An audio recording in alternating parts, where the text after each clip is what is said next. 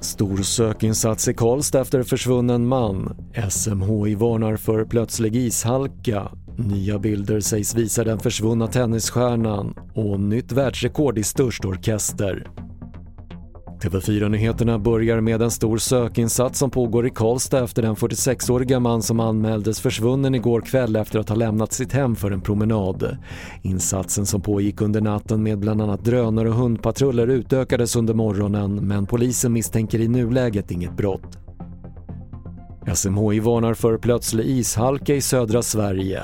Den gula varningen beror på att regn rör sig söderut under dagen och följs av kallare temperaturer när det senare klarnar upp vilket kan medföra problem för vägtrafikanter.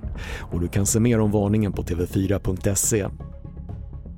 Under morgonen släpptes nya bilder på den försvunna kinesiska tennisstjärnan Peng Shuai från en turnering i Peking. Hon försvann för över två veckor sedan efter att ha anklagat en partitopp för sexuella övergrepp och bilderna kommer efter kritik från bland annat internationella tennisorganisationen WTA som har hotat med att inte längre ordna några turneringar i Kina. Något som får stöd av världsettan Novak Djokovic.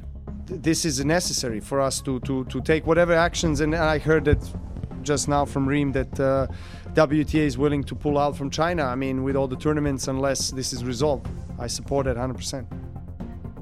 Och till sist kan vi berätta att världens största orkester finns i Venezuela och den består enligt Guinness World Records av 8573 musiker.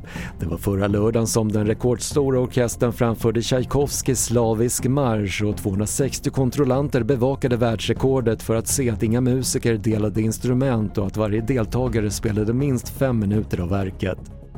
Fler nyheter hittar du i vår app TV4 Nyheterna. Jag heter Patrik Lindström.